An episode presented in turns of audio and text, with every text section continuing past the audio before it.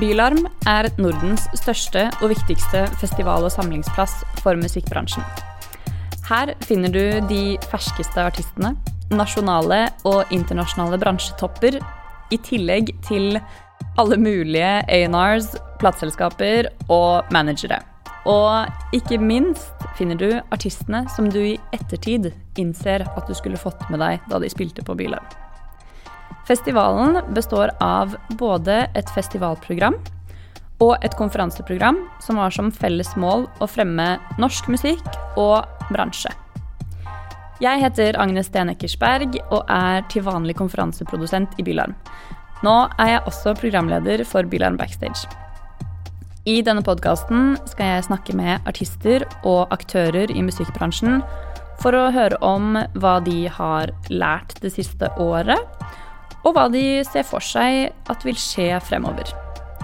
Og selvfølgelig skal vi snakke om det det egentlig handler om musikken.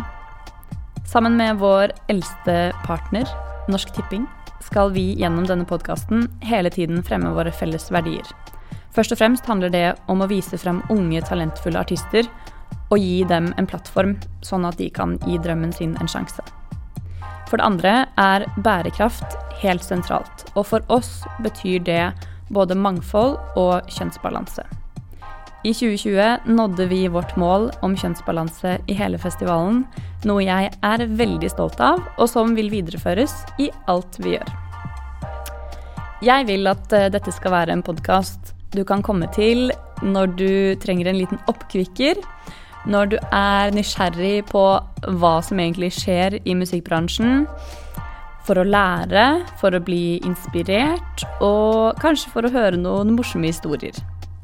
Det er, ikke, det er ikke jeg som sitter på disse svarene, men jeg kommer til å invitere en rimelig god gjeng med folk som veit hva de snakker om. Annenhver uke skal jeg da snakke med både veteraner og nye talenter i Bylarm Backstage. Og jeg gleder meg.